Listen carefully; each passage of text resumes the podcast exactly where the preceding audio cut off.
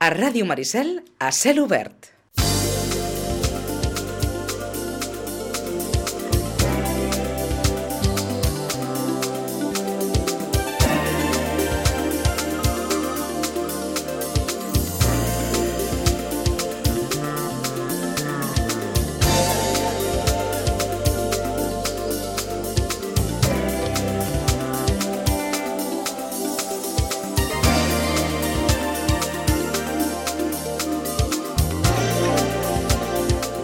Vinga, dos quarts eh, d'onze del matí d'aquest eh, dia, de, dia de rebella, però el, el matí és laborable i per tant doncs, estem fent aquest eh, a cel eh, obert doncs, normal. I avui eh, tenim un nou portaveu en aquesta roda de portaveus d'abans de l'estiu que estem portant a terme a Ràdio Maricel, un, a un any, menys d'un any ja, per les eleccions municipals. Saludem el portaveu d'Esquerra Republicana de Catalunya, Eduard Terrado, bon dia. Bon dia, Joan. La formació doncs, amb més representació a l'Ajuntament i, de fet, que, que encapçala eh, l'Ajuntament de, de Sitges ara, ara mateix. Mm, anava a dir, clar, podem, podem agafar-nos al, al tema dels incendis, si, si voleu. Eduard Terrado, regidor d'Urbanisme i regidor d'Espais de, Naturals. Uh, I aquesta setmana aquí al Garraf hem tingut dos ensurts, un més important a Olivella, un menys, però que també, déu nhi afortunadament doncs, el dia era, uh, era millor per les condicions per, per, per poder-lo apagar, però a Sant Pere de Ribes també en vam tenir un altre. Anava a dir, preocupa, preocupa la, doncs, com està l'entorn de Sitges i, i, i del Garraf doncs, de cara a l'estiu que ens ve. Sí, sí, és molt preocupant perquè la, la situació en què es troben els boscos després de molts, molts, molts anys d'abandonament de, del, del parc del Garraf, eh, totes les activitats agrícoles, no totes, però no sé, no, no sé quin percentatge, però estic convençut que seria un 90% o un 80% eh, s'ha vist abandonat el, el, el, el parc.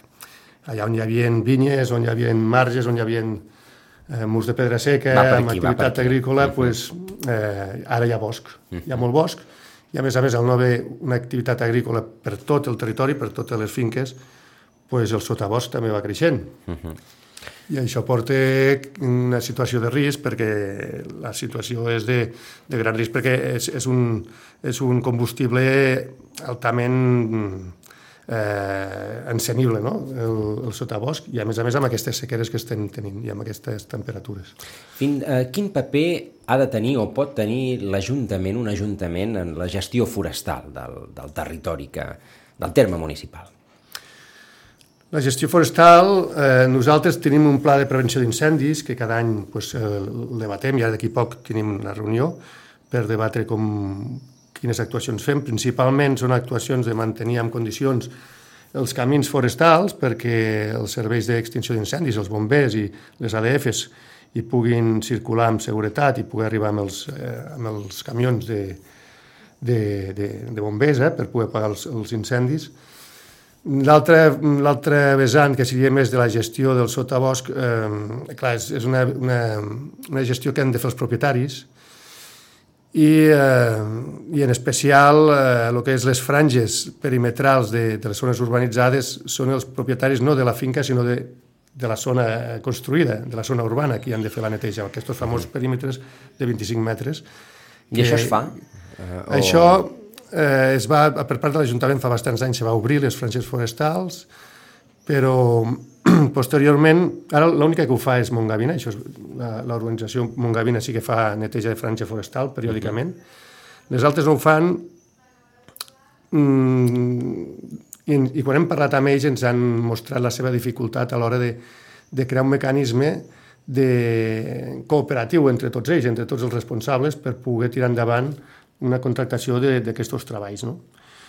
Molts veïns pensen que això és responsabilitat de l'Ajuntament i no ho és, i de fet l'Ajuntament havia creat diversos, durant diversos anys una partida per fer la neteja, però a partir de l'any 2017 eh, se'ns va fer una objecció suspensiva per part d'intervenció perquè al no ser una obligació de l'Ajuntament doncs incorríem en una, en una mm, mala actuació eh, d'utilitzar fons públics per aquesta, per aquesta causa però bueno, eh, vist que com estan les coses, aquest any eh, hem decidit de que seguir amb aquesta situació era una irresponsabilitat i molt temerari. I vam acordar, veient com se presentava l'estiu, emprendre una neteja de franges forestals, ja han fet a Quintmar una, uh -huh. segurament haurem d'aixecar una, una objecció suspensiva, però bueno, això entre dins les responsabilitats dels polítics a vegades haver de fer coses com aquestes. No? Uh -huh. I com que bueno, també hem fet unes neteges de, franje, de parcel·les forestals propietat de l'Ajuntament a Can Girona, també a Quintmar, crec que es diu el Fondo d'en Pere Joan, és, hi ha una finca municipal que també l'hem netejat, i a partir del 15 de juny ja no es poden fer activitats dins, de la, dins del bosc, uh -huh. ni de neteja tan sols, perquè hi ha un risc de que es, qualsevol espurna s'encengui un foc, i el que farem és reprendre aquestes neteges a partir del setembre. D'acord. Per tant, doncs, eh, l'Ajuntament està fent allò que està en la, en la seva mà per poder, doncs, eh, mantenir el, el màxim de netes a, a, aquestes, a aquestes zones perimetrals. En, um, tenen l'obligació de fer els propietaris de l'urbanització encara que l'urbanització no estigui recepcionada o és perquè no ho està? No, eh, tenen, tenen l'obligació de fer-ho tots els propietaris de parcel·les o finques que estan a menys de 500 metres d'una zona boscosa o zona forestal. Mm. Llavors, no només les urbanitzacions, eh? també tenim altres zones de Sitges que segurament també ho tindrien que, que contribuir. Això ens produeix una, una dificultat enorme. A vegades les lleis no estan pensades per la realitat. Clar, ara, ara Llavors, a, a, si, si em permeteu, el que m'esteu dient és, o que la llei diu, és que doncs, propietaris de Campell podrien, sí. podrien també incórrer exemple, el, el bosc de Can Bruguera. El bosc de Can Bruguera. Està molt a prop de, de cases. A menys, a menys de 500 metres de, de, de, de, diguem, de, de l'expansió urbanística sí. que hi ha hagut a Campell. Sí.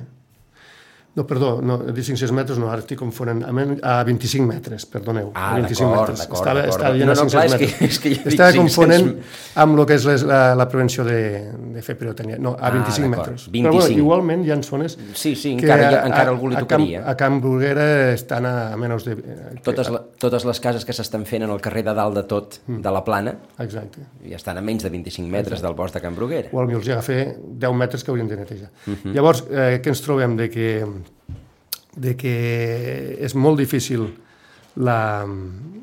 No, pues no ara, ara permet-me tornar, Torn. tornar enrere. Eh? Això, si tingués el tècnic aquí m'ho aclariria, però crec que sí que és eh, és una franja de 25 metres, però els obligats a mantenir-la neta són els que estan dins d'aquesta franja de, de 500, de 500 metres. metres. Sí, sí, sí, per sí, tant, doncs estaríem... Per tant, estem en la situació correcta, sí. Ah, exacte. Bueno, estem en què molts propietaris de, de, del municipi eh, haurien de, de contribuir amb aquestes neteges, Eh, I l'Ajuntament el que estem fent, eh, i si no, no ho podríem fer així, no podríem fer aquestes neteges que ja hem abordat ara, és eh, buscar un mecanisme de com podem mm, contribuir els que estan obligats a, a fer aquestes neteges, o sigui, subsidiàriament, fent uh -huh. alguna mena de preu públic o d'alguna taxa que, que seria molt poca, perquè això, les neteges serien, si es fa una neteja cada dos anys, pensem que estem parlant de potser 60.000 euros, i si es fan cada dos anys són 30.000 euros per any, o sigui que pràcticament és un euro per, per sitgetà. Uh -huh. eh, doncs, bueno, haurem de buscar un mecanisme que puguem, i que Intervenció i Secretaria estiguin d'acord, que puguem eh, vehicular nosaltres com a Ajuntament aquestes neteges. Perquè, a veure, Catalunya és un país forestal, o molt forestal, per tant, doncs això deu haver qui ho té més o menys resolt. Sí, doncs, hi ha municipis que ho fan com ho estem fent nosaltres, ja que no ho fan els propietaris, pues, eh, ho, ho abonen ells, ells directament. Hi han fet preus públics que els hi, fan, els hi fan pagar als ciutadans, llavors, mitjançant un preu públic, nosaltres haurem de fer un mecanisme d'aquest tipus. D'acord. Ja que ha sortit eh, ara al bosc de, de Can Bruguera, res, una, eh, una pregunta eh, al voltant. Finalment s'ha tancat la, la zona de la, de la masia de Santa Bàrbara. Mm eh, perquè doncs, era objecte d'actes de, de, de vandalisme mm. per, part de, per part de persones desconegudes, en aquest cas.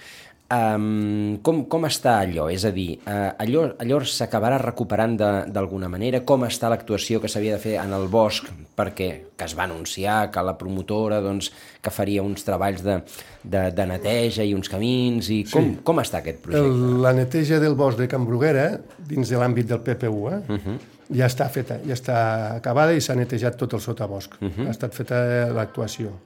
Després tindríem el que és la banda que ja no és PPU, la banda de, de Santa Bàrbara, que no és PPU, que estaríem en aquesta situació que estàvem parlant. Eh? D'acord.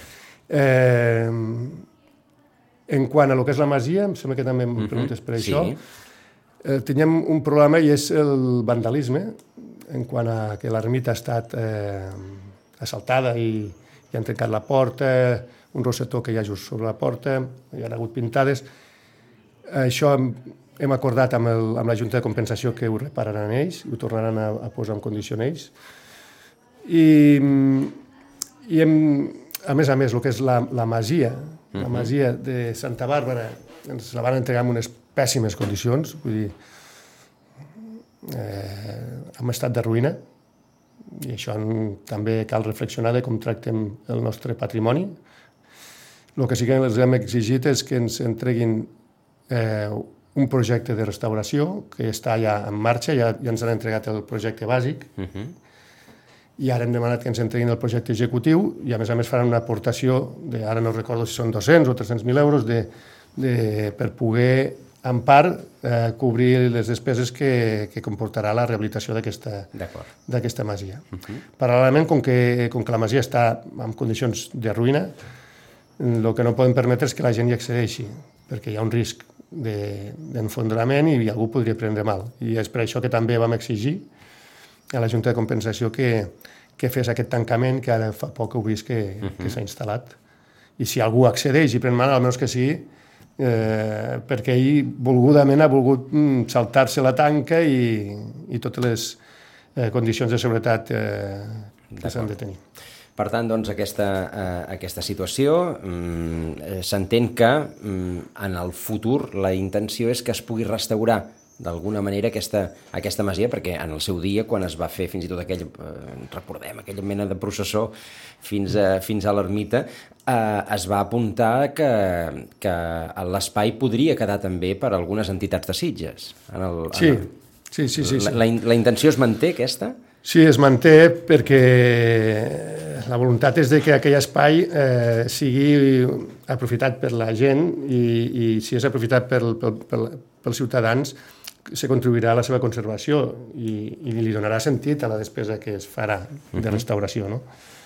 I sí, sí, ja hem, hem parlat amb diverses entitats i, i creiem que no, totes estan amb, amb, amb bona predisposició, ja s'havia parlat dels castellers, però també amb, amb la rítmica, també bueno, volem parlar amb diverses entitats que, que hi poden anar. Eh? El, el CAU, no sé, hi haurien quatre, cinc o sis entitats que podrien ocupar aquest espai i, i tindríem resolt un problema també d'equipaments per, per a aquestes entitats que, que els hi calen unes, uns espais molt, amb unes característiques molt determinades, d'alçades, etc. D'acord. Um, Movem-nos una miqueta, diguem, cap a, cap a la zona de, de més al llevant de- d'aquí. Situem-nos on hi ha els pavellons de, de Pinsbens, aquell mm. espai del costat dels pavellons que havia estat uh, un pàrquing, que uh, havia, és un espai doncs, amb una certa qualificació uh, natural i que, per tant, doncs, es va haver d'inhabilitar com a aparcament. Uh, les tanques continuen allà, allà posades, uh, es va apuntar que s'iniciava un procediment urbanístic. En quin punt estem i, i quan es resoldrà i en quin sentit hi ha la intenció que es resolgui aquest procediment urbanístic? Sí, el que farem ara, de forma de poc temps, és la, el que és l'aprovació del projecte de, de, de restitució de la legalitat urbanística, que pràcticament ja està executat al 100%, i, i un cop això es tancarà l'expedient de, de, de restitució d'aquesta legalitat, i llavors iniciarem un, iniciarem una, un canvi de qualificació o un intercanvi de qualificació entre aquest aparcament, que ara és zona verda, i la, la, els, marga, eh, els garrofers, la zona on hi ha garrofers que hi ha just a sota, que és equipament, està qualificat com a equipament. Uh -huh. Que és on hi ha el talús, per entendre. Exacte, el talús amb arbres i, i una zona més així més, eh, més salvatge, no? més, més natural, eh, pues la, la, deixarem, la, de, la convertirem en zona verda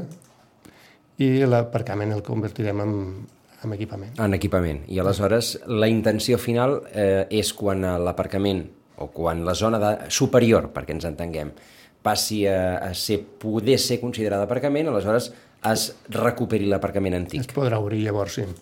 Que haurà quedat molt millor, perquè, de fet, acabarà sent un aparcament, abans ja ho era, eh, ja s'estava utilitzant, però era una esplanada molt, molt depauperada, amb, amb residus fins i tot, que anaven vehicles allà a fer els canvis d'oli, i estava sí. molt, mal, molt malament aquella zona. Ara ha quedat una zona jardinada, ben ordenada, amb parterres amb, amb gespa, amb arbres, i unes, i unes zones on aparcar que, molt ben ordenades i, i que es pot disfrutar tant per aparcar com per passejar, la veritat. Mm -hmm.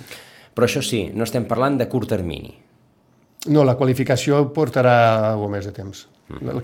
L'intercanvi de qualificació urbanística, com que ha de passar per, per la Generalitat. Bueno, s'han de fer tots aquells processos. Els canvis sí. de qualificació són allò de les quatre aprovacions, no? Sí. La, la inicial, la provisional, la definitiva i després la de la, de la Generalitat, no? Són, no? són les tres. Tres. Bueno, o quatre si poses la consulta pública prèvia, eh? llavors sí que mm -hmm. són quatre. Però bé, que, que, és, que és, és llarg. És llarg, és un és any, llarg. un any i mig, tranquil·lament. Mm -hmm. sí, sí. Per tant, doncs, abans d'un any, un any i mig, eh, no podran encara aparcar aquests, no. els vehicles eh, no. dels pavellons i, per tant, doncs, clar, tots els usuaris dels pavellons eh, tindran aquest, aquest greuge, tot i que també hi ha un, un cert moviment que, que, que demana que, que allò doncs, es mantingui com està ara. Sí, bueno, la veritat és de que potser això va ser una mancança quan se van fer aquests dos pavellons, sempre que fas un equipament públic mm. has de fer un estudi de la mobilitat i de quines necessitats eh, te comportarà la construcció d'aquest equipament. Llavors, segurament no es va fer perquè si no s'hagués construït un, un aparcament al cantó dels pavellons.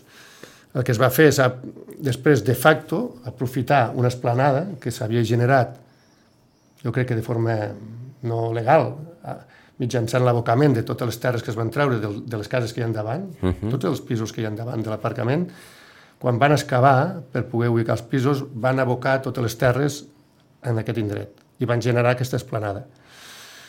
I com que ningú els hi va dir res en el seu moment, allà es va quedar i, i la gent que venia al pavelló ho va convertir en, una, en un aparcament. Correcte. per, de facto, uh -huh. no? per, per l'ús, per, uh -huh. ho van ocupar com per, per posar els cotxes, ja que estava aplanat i la necessitat hi era, doncs, eh, s'hi van posar. Eh, és, la, la qüestió és així, ara nosaltres ens toca arreglar-ho i, i, i posar-ho pues, en la situació urbanística correcta. D'acord. Um, L'altre dia teníem el, el portaveu de Sitges Grup Independent, David Martínez, regidor d'Educació, que explicava a la, a la Carola Fernández que, que bé, que, que Sitges ara doncs, torna a tenir una gran quantitat d'alumnes que, que necessiten plaça, que necessiten lloc i que, i que és possible que amb les línies que ara mateix s'ofereixen doncs la cosa vagi una mica curta i que potser en el curt termini s'hagi de, de demanar de nou una nova escola hi ha lloc per posar una nova escola? I ara parlem amb el regidor d'Urbanisme, eh? bueno, de lloc sí que n'hi ha, perquè tenim sol per equipaments públics. Uh -huh. Si ensenyament ens diu que vol instal·lar una nova escola, li donarem un lloc per, per instal·lar-la. D'acord. Cal que ens digui si la necessitat és una nova escola amb dues línies o si vol incrementar una línia amb alguna de les escoles existents, que s'hauria de valorar si això és possible. Ara l'Agnès s'ha inaugurat amb una línia sí. eh, dimensionat per una línia. Sí, i ens va costar. Sí, sí, sí. Perquè nosaltres en volíem dos, una escola normal i corrent, i, i des de la Generalitat ens deien que no hi havia motius que l'evolució demogràfica feia, deia, o ens, impulsava, ens portava a haver de tancar l'escola Agnès. Uh -huh. Me'n recordo que a les, a les negociacions que vam tenir, jo almenys em vaig posar molt, molt, molt dur dient-los que no, que Sitges seguiria creixent, que ha, perquè Sitges té el perfil que té, potser no som conscients a la resta de país que, que Sitges és un municipi que atrau i que seria necessari eh, l'escola que, que volien tancar. Uh -huh. Al final ens ha donat la raó el temps, però ens hem quedat curts fins i tot. Clar, mm, com que no volíem fer despesa i vam haver de fer la meitat com a ajuntament, a més a més ens van imposar que fos només d'una sola línia perquè tampoc ho justificava l'evolució de demogràfica. bueno, al final ens trobem el que ens trobem. I ara... Que ara segurament haurem de posar una línia més amb alguna de les escoles existents o fins i tot si cal una escola amb dues línies haurem d'utilitzar un, un solar d'equipaments públics municipal per uh -huh. instal·lar una nova escola, per exemple, no sé, el PPU, per exemple. No?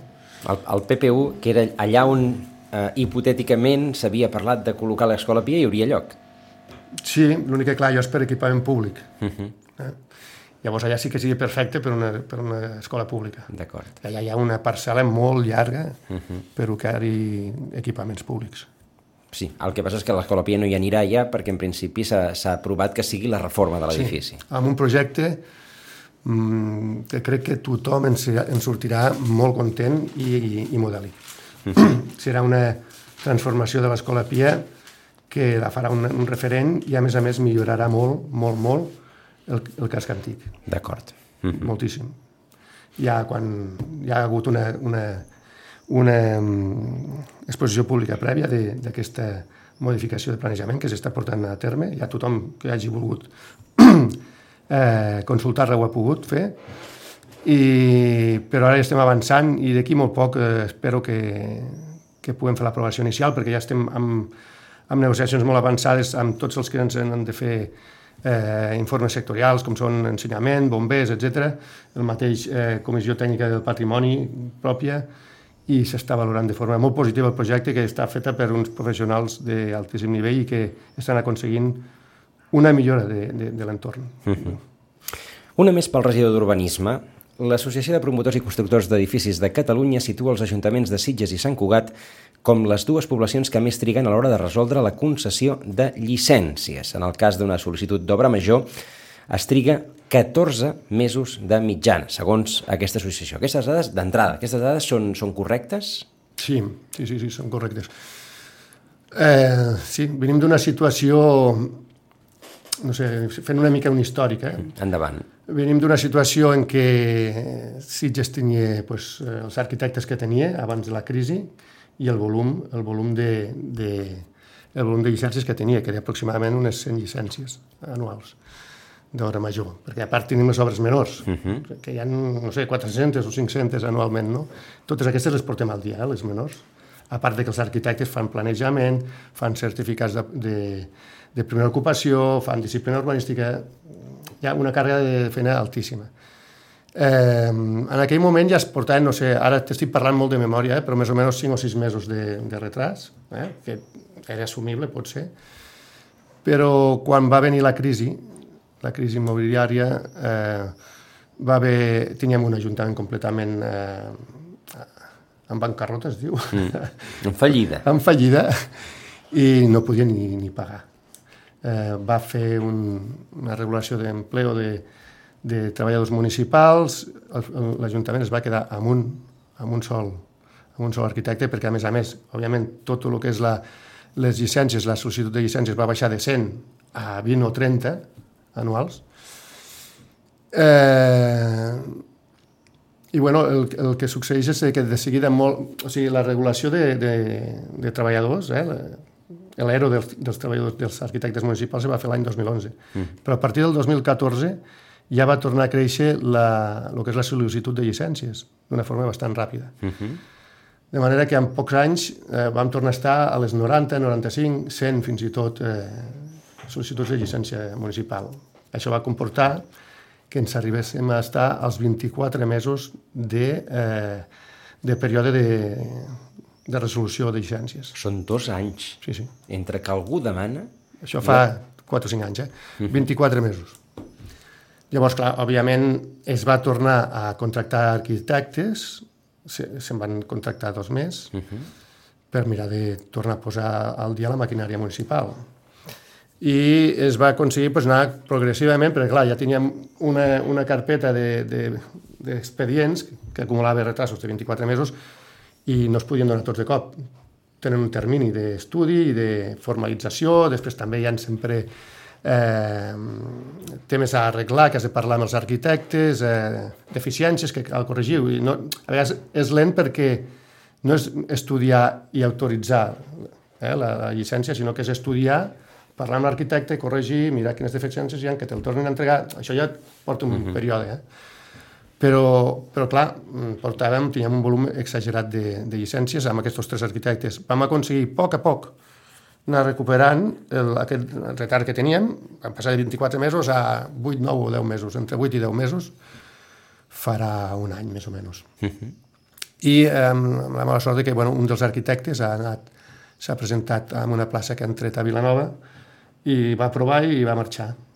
Llavors, al tenir un arquitecte menys, tornem a empitjorar i anàvem a una situació molt, molt bona, perquè a finals d'aquest any teníem que arribar als 5 o 6 mesos. Eh? Amb la situació en què estàvem, anàvem evolucionant progressivament dels 24 mesos als 8, 9, 10 mesos i a finals del 22 arribaríem als 5-6 mesos de termini. Mm -hmm. Clar, l'arquitecte ens ha tornat a pujar eh, el que és l'endarreriment. Mm -hmm. Dels 10 mesos hem tornat a pujar als 14, més o menys. Eh?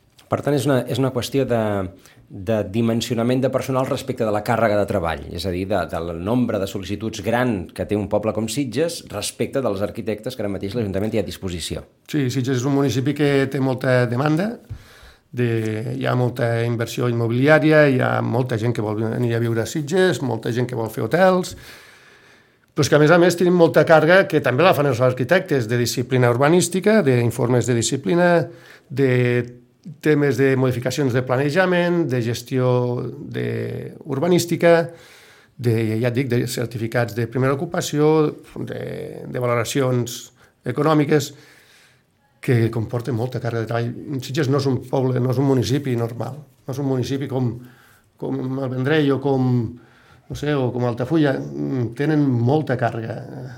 Sitges té 30.000 habitants, però és un municipi que diàriament hi ha 60.000 persones en aquest municipi, per no parlar de, de caps de setmana, a punta o a l'estiu. Això comporta que hi ha molta, molta, molta càrrega per lo que és la dimensió que tenim de, de lo que és l'administració municipal. Uh -huh. eh, i lligant amb això, no sé, no sé què m'havies... No, no. Per què havia anat per aquí? No, havia, havia anat per aquí això, això sobre la, la càrrega de treball respecte de la, de la demanda per, lògica i legal també per part de la, de la ciutadania. Clar. I és no, que... podem, no podem incrementar la plantilla degut a les lleis que hi ha, no? l'ARSAL, uh -huh. que, ens, que ens obliga a mantenir un, una limitació de despesa i uh -huh. llavors no podem anar incrementant. Em sembla que podem incrementar potser una o dues persones a, a l'any en plantilla. De plantilla. Uh -huh. Pues imagina't.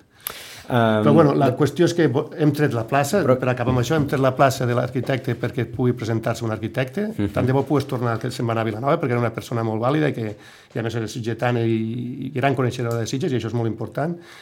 Però ara, quan sigui ocupada aquesta plaça, tornarem a tenir un arquitecte més i mirarem de tornar a revertir la curva eh, amb un decreixement de, dels terminis d'espera. D'acord.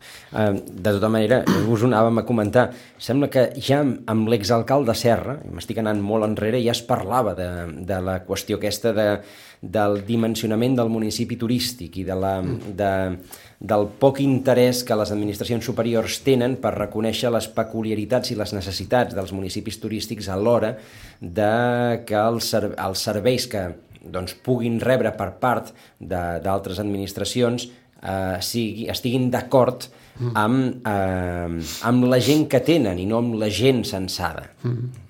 Aquesta dicotomia doncs, que, no, que fa 30 anys ja se'n parlava. El, el cens és un paper, l'ocupació és una realitat. O sigui, Correcte. La gent que hi ha mm -hmm. i, que, i que requereix de, de que se la tengui. Amb els serveis, per exemple, de policia també és un altre cas, o mm -hmm. bueno, molts altres serveis. A veure, um, anem a la draga? Sí, home. Anem a la draga. No, jo no vull anar a la draga. No, no vol anar a la draga, però hi ha una draga. Hi ha una draga. Hi ha una draga. No, no a més, una draga que va, que va venir per sorpresa. Podríem dir-ho d'aquesta manera? Mm, no. No, no va venir per no sorpresa. Va venir, encara Quina, aquesta que parles de les botigues? De les botigues. No, la de les botigues encara no, no, no ha vingut. Encara no ha vingut. Encara ha de venir per sorpresa. Sí. Per sorpresa, per van avisar. Van avisar. Van avisar. Per sorpresa van avisar sí. que vindrien. Sí. A veure, eh, expliqueu-nos a veure com, com, com ha funcionat aquesta història de la draga de les botigues. A veure, aquí tenim dos temes. Un és les dragues que venen a, a dragar o a treure la sorra que s'acumula a la bocana dels ports. Sí que és una necessitat que tenen ells perquè sigui viable no? l'entrada i sortida dels vaixells. I una altra és una draga que ens apareix cada any a la platja de les botigues. No a la bocana, sinó uh mhm. -huh. que davant de la platja. D'acord. Aquesta draga cada any ve i extreu no sé quants mils de metres cúbics, no sé, igual de l'ordre, eh? no, uh -huh. no mhm. dic que siguin les xifres exactes, però potser estem parlant de 40, 50 o 60 mil metres cúbics de sorra del fons marí, just davant de la platja.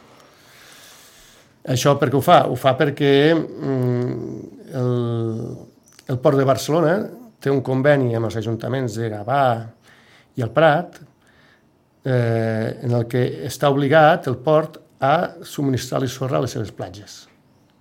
Les platges de Gavà i el Prat són erosionades degut a la construcció de l'última ampliació que es va fer del port de Barcelona. Uh -huh. I quan van construir el port, ells ja sabien que això passaria amb els seus estudis. Per tant, van arribar i van fer aquest conveni.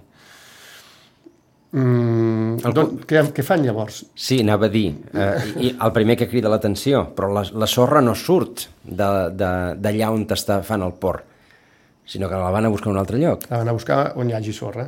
Uh -huh. I on troben sorra? Pues a, davant de les botigues de Sitges.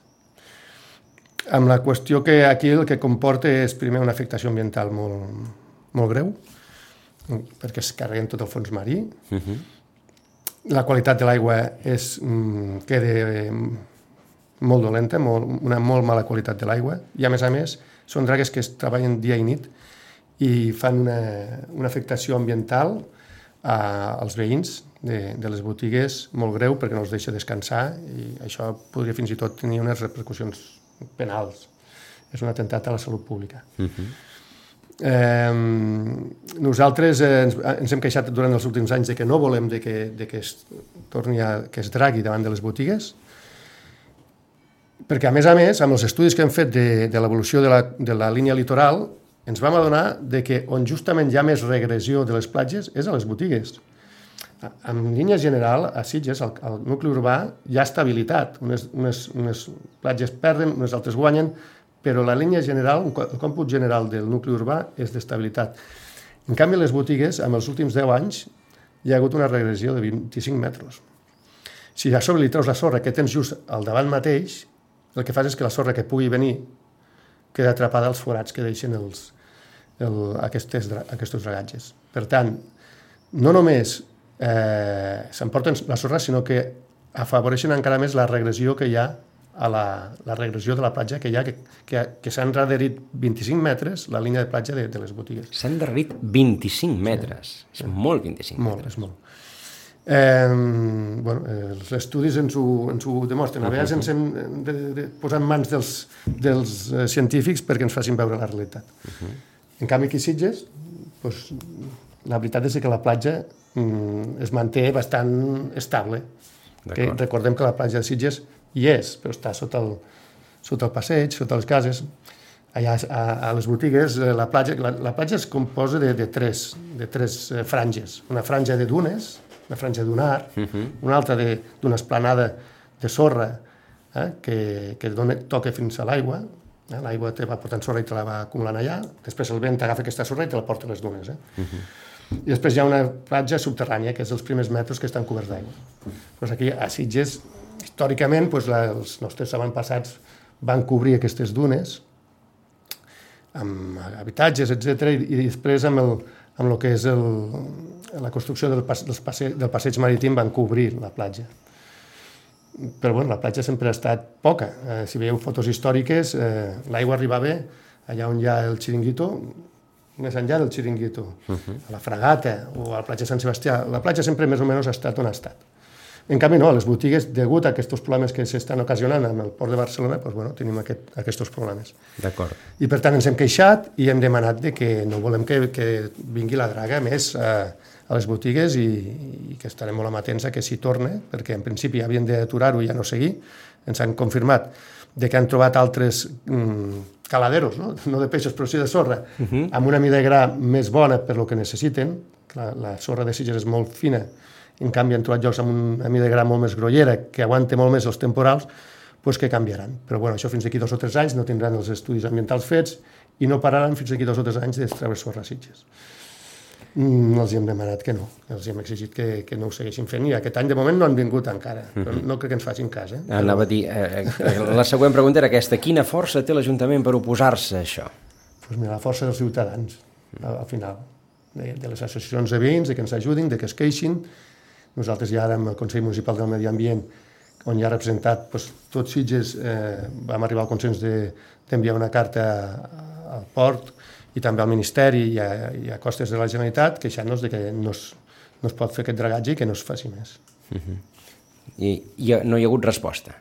No, perquè no sé si els hi ha arribat ja, que això fa potser una setmana que, uh -huh. que la vaig signar i, i segurament estarà en camí. Per tant, no sé si uh, llegit. La, platja, la, platja, la platja de les botigues, malgrat que és molt llarga, pateix una regressió que a simple vista és més difícil de veure, perquè clar, com és tan llarga, mm. és més difícil. La platja, diguem, d'aquí del, de, del que seria la badia de Sitges, la, la platja del Passeig, no patir regressió, també algú dirà. Clar, si, pels trossos que no n'hi ha no pot, no pot reduir-se més, perquè hi ha...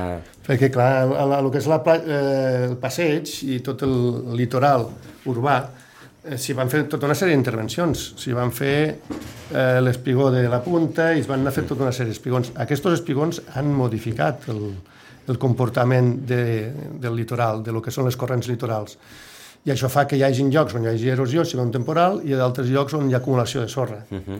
Per tant, sí que millor una platja que tingui sorra ara no en té, però una altra que en, que, que en tenia molt poqueta ara en té molta. Per això deia que el còmput global és d'estabilitat. D'acord.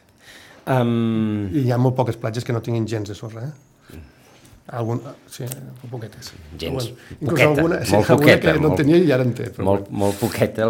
Les del centre poquet en tenen. Suficient. Suficient. Sí. Molta gent, està, almenys a mi, eh? no sé si a la resta de govern, però a mi i altres membres del govern ens estan arribant inputs de que, de que la gent està contenta amb la situació de com està i la, la sorra que hi ha i uh -huh. no mhm. sé. No sé, jo crec que ho devem d'estar fent bé. El...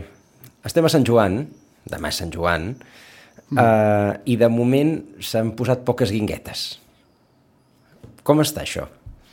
Bueno, ara ja s'estan posant, no? Ja tenim, crec que són 10 o 11 eh, guinguetes eh, autoritzades eh, per Junta de Govern. Uh -huh. I hi haurà potser 4 o 5 que ja s'ha fet la proposta de contractació que hem de signar a la Junta de Govern.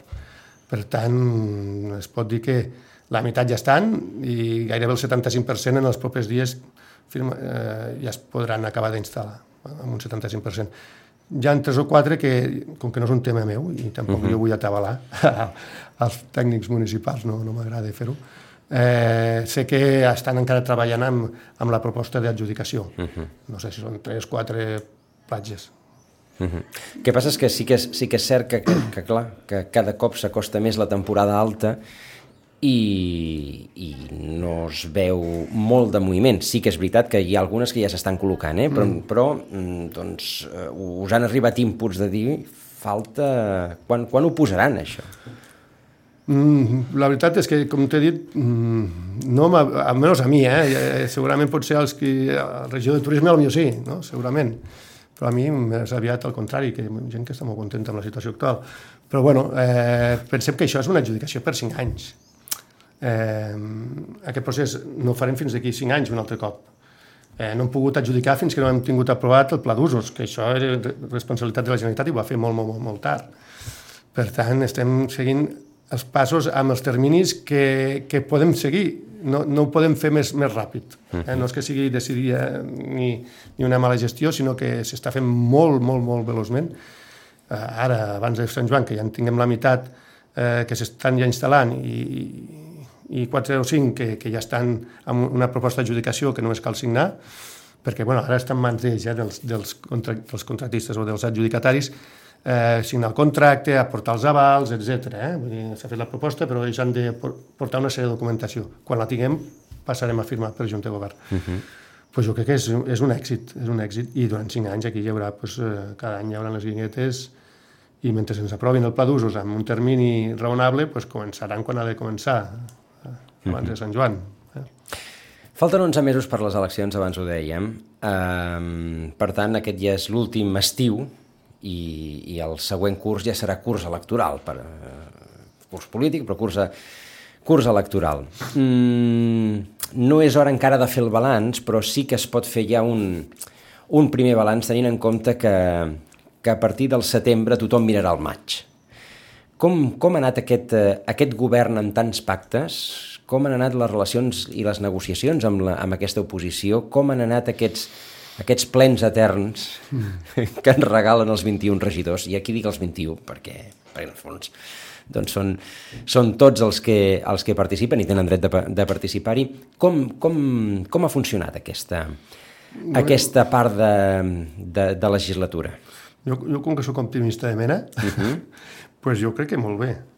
Que molt bé. A veure, les coses podrien haver anat diferent o més com nosaltres haguéssim volgut, però la, la realitat és la que és, la realitat la va, la va reflectir l'electorat, el, els ciutadans, i per tant, mm, escolta, mm, les coses són així i amb la realitat que tenim crec que el govern municipal ha funcionat d'una forma molt eficient i la relació amb la, amb la, amb l'oposició que al principi era una mica tensa, hi havia situacions una mica, no diré violentes, però sí que, que poc confortables, pues, ha anat evolucionant cap a una situació més de normalitat i de, i de fer i de col·laboració i de treballar.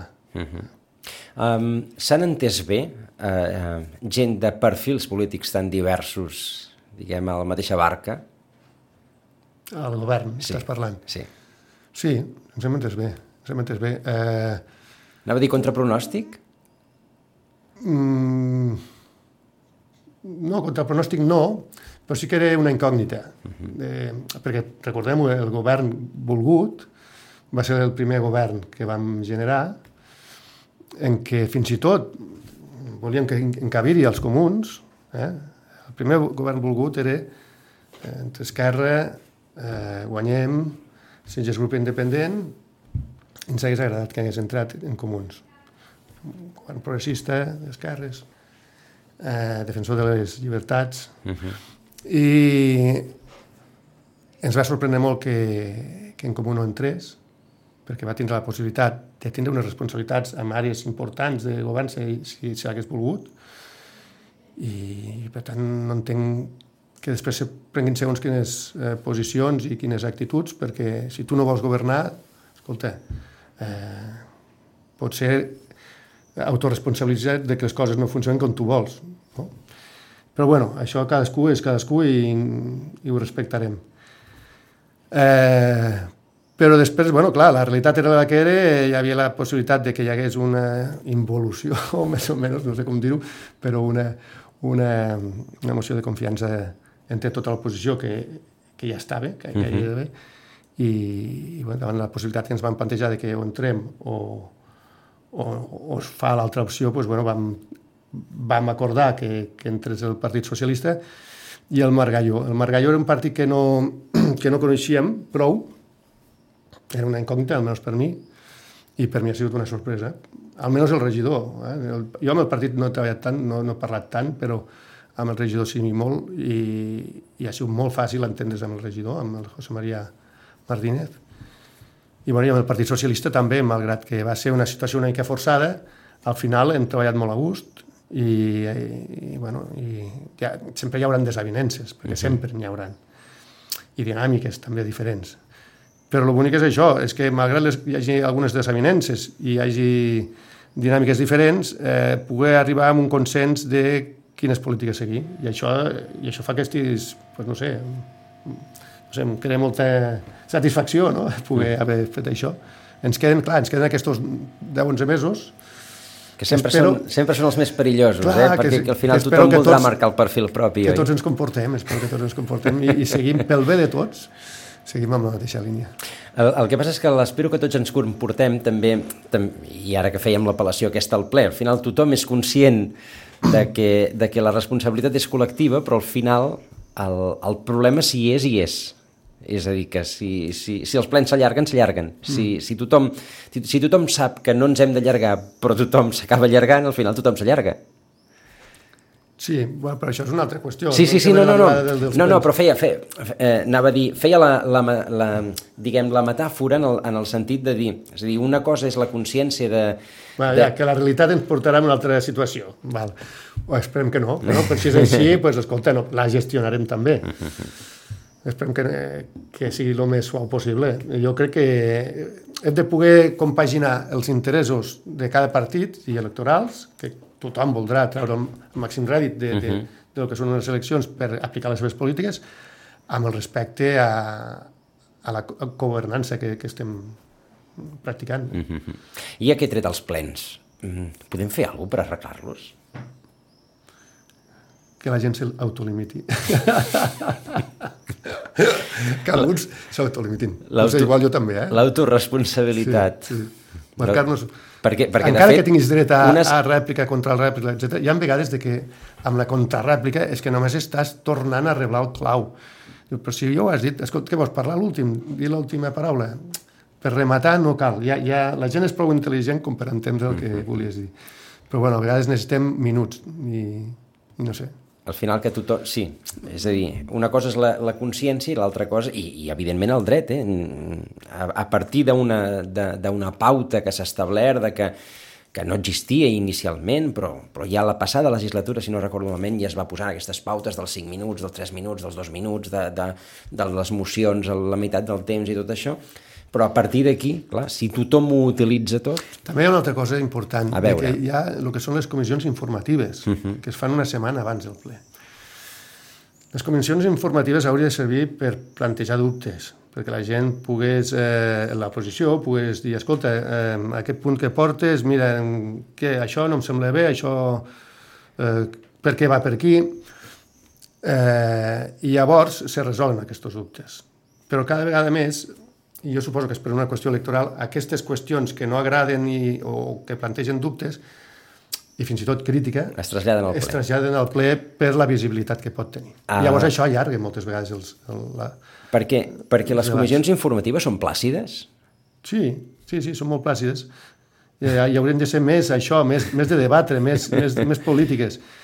I en canvi el ple deixar el que és el posicionament i, i el vot. I mira, doncs jo votaré en contra per això. Però treure allò, la cosa que em falla per, per, per deixar en evidència al govern que això està mal fet, etc. això s'hauria de- d'explicar abans, perquè fins i tot, al millor, fins i tot ens estalviaríem més un problema es podrien rectificar eh, algun punt i es podria uh -huh. tornar enrere i dir, bueno, doncs ja ho portarem al ple següent perquè això tens raó, veus? Això està malament.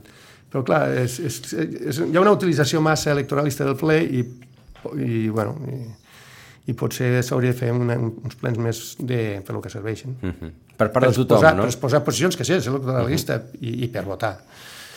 Eh, però no per eh, intentar vehicular, pues, eh, no diré artimanyes, però sí enganxar amb, amb el pas canviat a, a l'adversari. Dos Benurs hi caben en, l'últim ple. Benurs. Dos, dos Benurs hi caben en llàstima, me l'ha guanyat, no? me l'ha guanyat temps. Eduard Terrado, portaveu d'Esquerra Republicana, moltíssimes gràcies. Molt bé. Que passeu un bon estiu, una bona, re... una bona Bueno. rebella també. I que no passi res i, I que no passi res. tothom disfruti, i balli, i mengi i estigui content. I, i fins passat l'estiu. Molt bé, gràcies, Joan.